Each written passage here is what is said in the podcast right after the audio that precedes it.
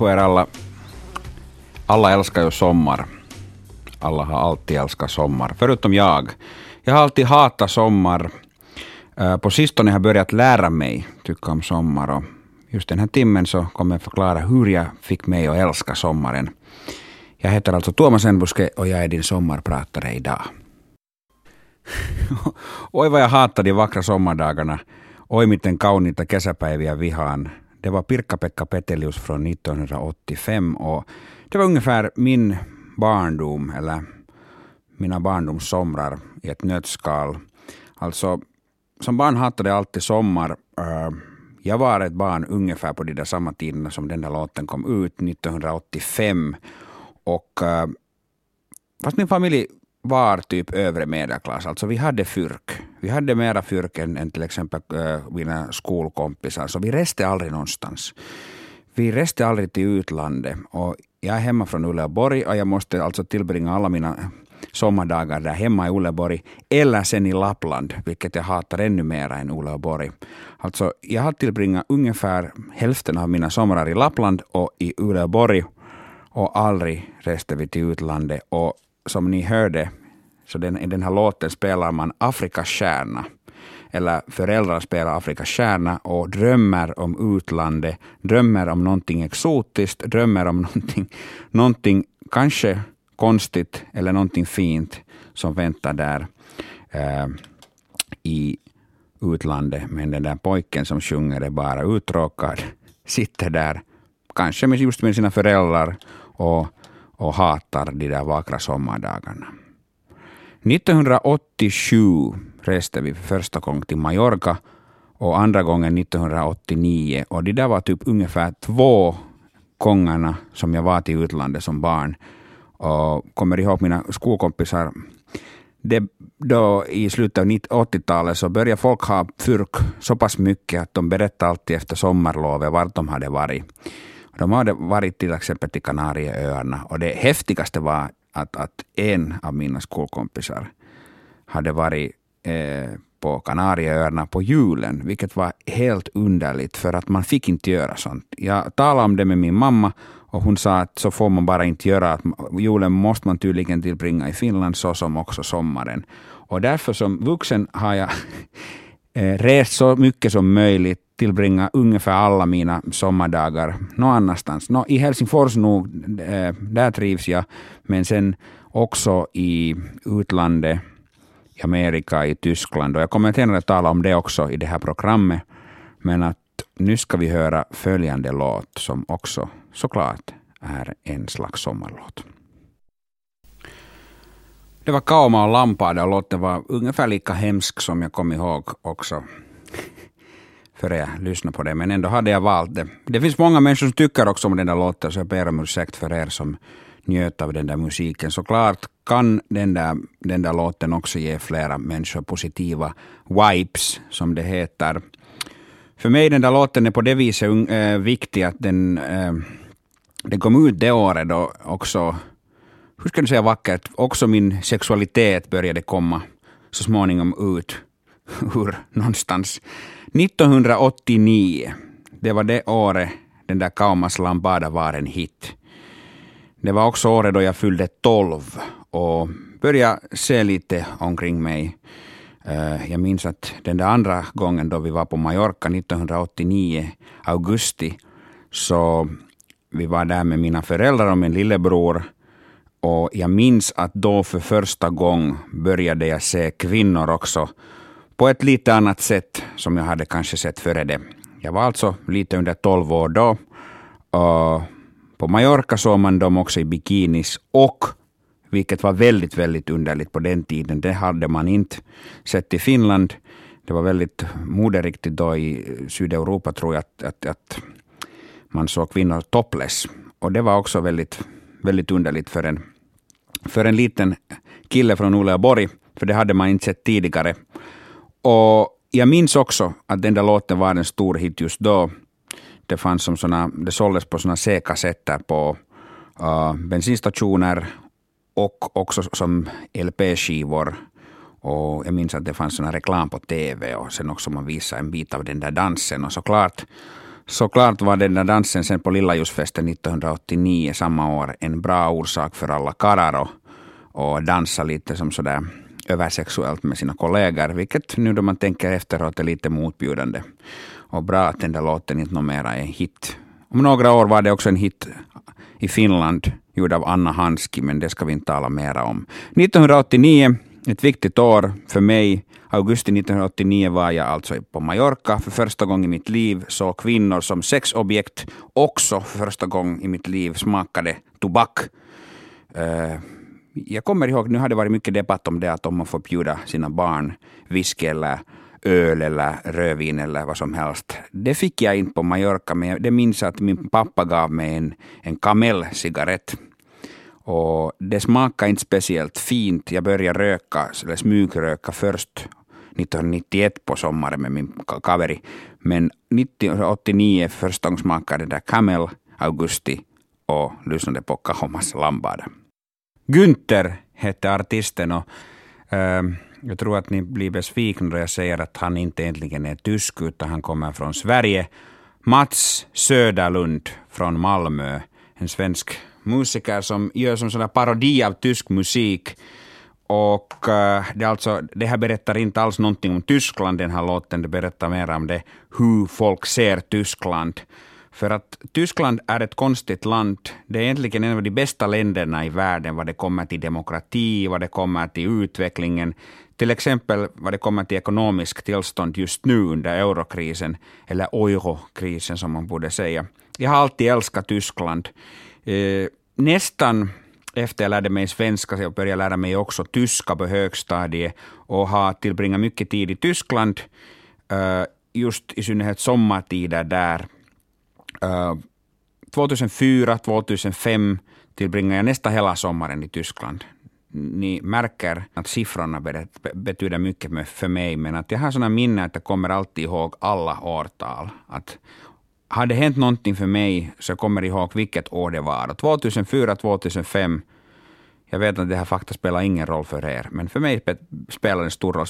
Var jag mycket i Tyskland och som sagt, eh, jag älskar Tyskland. De finaste känslorna är att, att till exempel ta en bil, ta en fin bil, köra på någon fyra timmar från Frankfurt am Main till Berlin och man får köra 200 kilometer i timmen så att eh, ändå på vänstra filen körde förbi någon Ferrari och, och Lamborghini och också någon BMW ännu snabbare än vad man gör. Många saker har gjort i Tyskland, till exempel för första gången har jag äntligen efter barndomen besökt en porraffär i Tyskland. I Frankfurt am Main finns det nära järnvägsstationen som sådana porraffärs eller porrbutiksområde och där besökte jag Beate Use och ni som inte vet vad BATUC är för någonting, det är alltså som porrbusiness McDonalds. Alltså det finns på, egentligen på varje bensinstation i Tyskland. Som sådana att man kan köpa en hamburgare och sen kan de här äh, chaufförerna köpa sig en porrtidning. Och, och, det var inte någonting speciellt. Såklart hade jag sett internet och hade, eh, hade nu sett pornografi före det också. Men att jag var redan då en känd person i Finland, så det var lite pinsamt ändå, ändå att uh, gå in i en porrbutik. Och därför gick jag in dit där i Frankfurt och uh, det var en het sommardag 2004. Jag har ingen aning varför jag berättar det här för er, men på något vis förknippar jag det här med Tyskland och pornografi. Och vet ni vad? Det är lite orättvist det också. För att folk tror att Tysk Tyskland skulle vara något land för pornografi, men det stämmer inte. Alltså alla mina tyska kompisar är helt överraskade då jag berättar att det finns sådana rykten att, att man talar lite tyska på porrfilmer och så vidare. De vet faktiskt inte att Tyskland kanske har sådana rykten. uh, eh, så mycket. Som de tycker att det är Sverige som har som sådana rykten. Men att uh, egentligen det är Tyskland uh, Ehm, därför som förknippas med, med pornografi är det att Västtyskland var en av de första länderna i världen som legaliserade pornografi på 70-talet och 60-talet. Så att egentligen det var bara lagligt där före det var någon annanstans. Och jag som älskar Tyskland är lite besviken egentligen att, att eh, Tyskland förknippas med det här. Och egentligen borde jag kanske inte själv heller tala om den här stereotypin. Men som sagt, på något vis var det ändå sommaren 2004 då jag för första gången besökte en porrbutik i Tyskland, Frankfurt am Main. Jag heter Thomas Enbuske och jag är dagens sommarpratare här. Och I början lovade jag att berätta varför jag egentligen inte hatar sommaren och mera. Men att uh, nu jag börjar fundera på saken så att det har bara kommit med åldern så småningom att det kanske inte, hur ska jag säga, jag har bestämt mig att njuta, njuta av sommaren. För att till exempel nu då jag hörde den här låten från 1996 jag minns att jag låg på, i min säng på en förmiddag. Jag var på sommarlovet. Jag hade just skrivit studenten och eh, jag hade ingen aning vad jag skulle göra med mitt liv. Alltså, mina föräldrar sa att jag borde söka till något universitet för jag var så himla fiffig. Uh, och jag borde söka till något, skaffa mig ett bra arbete, vilket de hade rätt i. Men att jag bara drömde om radio. Jag ville göra radioprogram och äh, tänkte söka till som sån folkskola till Helsingfors och, och studera radiobranschen. Jag kom inte in då 96. Jag kom in, in först följande år. Och, men just då på sommaren 96 så jag hade ingenting att göra. Jag hade just som sagt skrivit studenten, låg hemma, ville inte gå ut. Jag kommer ihåg att, kommer ihåg att uh, Solen sken och det var en vacker dag. Jag lyssnade på Radio Mafia som var som en ungdomskanal på den tiden. Det finns inte något mera. Och uh, sen hörde jag den där låten för första gången. Jag ljuger inte, jag minns den där stunden för den där låten var så speciell. Det var så, samtidigt såklart så störande. Att man märkte att uh, det här är någonting. Det är någonting speciellt. Inte kanske en låt som man i, just tycker om, men att uh, ett band som säkert kommer bli någonting stort. Och såklart Spice Girls och det är just den där låten Wannabe. Uh, en låt, om man borde välja en låt som på något vis uh, beskriver 90-talet på tre och halv, uh, halv minuter, så jag skulle välja den där låten. Spice Girls och 90-talet, sommaren i Uleåborg inte riktigt någonting att göra. Eh, bara hade en dröm om, om att få jobba på radio någon dag. Visste inte egentligen, var lite ute och cykla så som unga pojkar vid den åldern nu brukar vara. Och eh, den eviga hemska sommaren bara fortsatte. Som tur tog den där sommaren också slut i något skede och det kom igen vintern. Elämä on kuin unta, kukkii koko luomakunta. Det var inte riktigt någon Pablo Neruda det där, men att äh, Mamba vielä on kesä jäljellä. En av de mest irriterande sommarhitlåtar i Finland. Säkert som någonsin har gjorts. Och såklart, sån ska en sommarlåt vara. Lite störande, lite irriterande.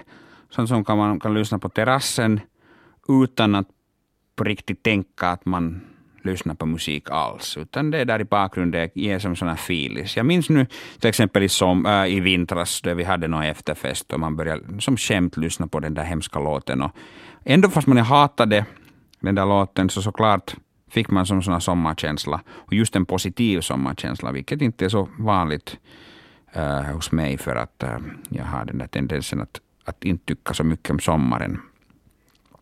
Min radiohobby började också på sommaren 1990. Det var alltså... Jag blev intresserad av radio därför att en kompis till mig, en Kimmo, hade varit i Helsingfors, alltså då vi bodde vid Uleåborg, och han hade bandat in sådana C-kassett, några sådana lokala kommersiella radiostationer i Finland. Och vi lyssnade på de här samma C-kassetter eh, hela tiden tillsammans. Jag var 12 år då. Och sen grundade vi som såna lokal piratradio också själva. På sommaren 90, 1990. Uh, radion var såklart olaglig. Det är inte lagligt att sända själv. Uh, man var hela tiden lite rädd för att polisen skulle komma. Och uh, vet du, vi skulle åka fast. Man skulle ha fått böter. Det kändes som så stort på den tiden. Uh, och på riktigt hade vi berättat åt grannarna att, att vi har som sån radiokanal som man kan lyssna på. Och jag tror att ibland de till och med lyssnade på den. Och vi blev inom åren, vi hade det flera sommar i rad, också på vintern ibland, så blev det mera och mera proffsig, den där kanalen. Att jag minns att vi började ha till exempel spellistor och vi började spela sommarhitlåtar och vi hade som uh, jinglar och allt det där. Och då alltid hade jag den där drömmen att om jag en dag, någon dag skulle kunna få jobba på radio, äh, göra vad som helst, ens diska eller vet du, söka LP-skivor, för då på den tiden spelade man låtar från sådana LP-skivor, eller CD-skivor. Allt gick lite bättre för att nu äntligen har jag mitt drömyrke, jobba på radio, som jag redan då tränade för 23 år sedan då vi började den där piratradiokanalen. Men vi spelar, eller jag spelar just en sommarhit från Finland och såklart har Sverige sina motsvarigheter också. Jag tror att de flesta svenskarna har ungefär likadant förhållande till den där följande låten som vi har till Mambas kväll kesä jäljellä. Äh, de flesta hatar den. De, samtidigt i smyg tycker de om den där låten för att det ger den, dem en känsla av sommar. För att sommar egentligen är en sån här ritual. Att man måste ha vissa bitar. Man måste ha sommarlåtar, man måste ha hemska sommarhits och här är den där hemska svenska sommarlåten. Thomas Ledin, Sommaren är kort. Och det var såklart Sveriges motsvarighet, eller motsvar till eh, Mambas Vielä on kesää jäljellä. Se on sommarlåt som ingenting för en egentligen betyder. En låt som alla bara får bra sommarfilis av. Jag minns då jag började, sen då jag hade flyttat till Helsingfors och studerat lite radiobransch och började jobba som mor morgonprogramledare på Kiss FM som fanns, var som sån ungdomskanal som ännu fanns på den tiden. 98 började den där kanalen. Den spelade hitlåtar mycket, ungdomsmusik och inte alls uh, till exempel inte alls svenskspråkig musik. Förutom den där låten, Thomas Ledins Sommaren är kort. För att den tydligen var så pass bra att till och med den där finskspråkiga juntin som hatar svenska språket och tvångssvenskan och allt det där kunde lyssna på den där låten. Vi hade, flera gånger hade vi Thomas Ledin som gäst. Om jag minns rätt så hade vi några som såna best of skiv releasefester också i Finland. Och jag var alltid den där, den där programledaren där för att jag var den där enda på hela kanalen som kunde någorlunda tala svenska. Jag talade svenska redan då. Eh, jag talade inte så, eller jag talade ännu sämre än vad jag gör nu, för att jag egentligen helt finskspråkig ursprungligen. Eh, men jag har lärt mig tala svenska tack vare några svenskspråkiga flickvänner till exempel. Till exempel min äh, långvariga partner Hanna som jag träffade äh, 2006 så vi var flera år ihop, nästan sju år var vi ihop och har till exempel två barn tillsammans. Så jag tror att det var det bästa som hände för mig då. Som sagt, de flesta unga karlar, sådana 20 plus, är ganska ute och cykla. Uh, eh, man vet inte egentligen vad man borde göra med sitt liv. Och, och vet du, de flesta män har blivit räddade av kvinnor. Och så hände också för mig. För att uh, det kom som sådär en ordning till mitt liv Uh, vi börjar fira sommar tillsammans, vi börjar fira sommarstunder till exempel där på Österbotten, där från hennes familj kommer.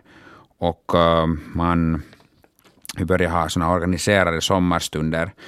Vi får ut till skären till landet. Vi hade aldrig haft, vår familj i Uleåborg hade aldrig haft en, en stuga, sommarstuga, för att, för att ingen hade det i Uleåborg. Men där i Vasa så hade alla en sån, sån sommarstuga. Det var inte egentligen sådär på riktigt min grej. En sommar fick jag hemsk panikångest just några minuter före vi skulle fara till, till det där landet, till skären, och jag fick sen bli till stan själv för att jag bara fick så stor ångest att jag inte ville fara ut till landet, till, till skären. Men att för de flesta tyckte jag nog om det där, de där tiderna då man egentligen började också njuta av sommaren, njuta av det som jag före det hade bara hatat, att man bara sitter tyst på sommaren och talar om vädret, hur fint vädret eller hur dåligt vädret är och inte egentligen gör någonting. Förutom fixa hela tiden såklart. Det måste man alltid göra på sommarstuga. Det har aldrig förstått mig att, äh, varför det måste vara som sådana eh, evig byggprojekt som aldrig är färdig. Men jag tror att det är mer, eh, kanske liknar som sådana hur säger man på svenska, som sån här Bernsteinilainen socialismi. Att eh, äh, själva, själva resan är viktigare än egentligen målet. Jag tror att det, det är idén med, med sommarstugan också. Men jag vill spela mera finska sommarhitlåtar. Jag vet inte riktigt varför. Det är kanske därför att äh, ändå de ger som sån sommarstämning. Äh, de är låtar som egentligen samtidigt hatar och samtidigt tycker om. Och här är följande. Det var Popeda och pitkä kesä och det har varit roligt att sitta med er här och tala lite om mitt liv. Jag heter alltså Tuomas Enbuske. Jag är dagens sommarpratare och det har varit en ära att vara här.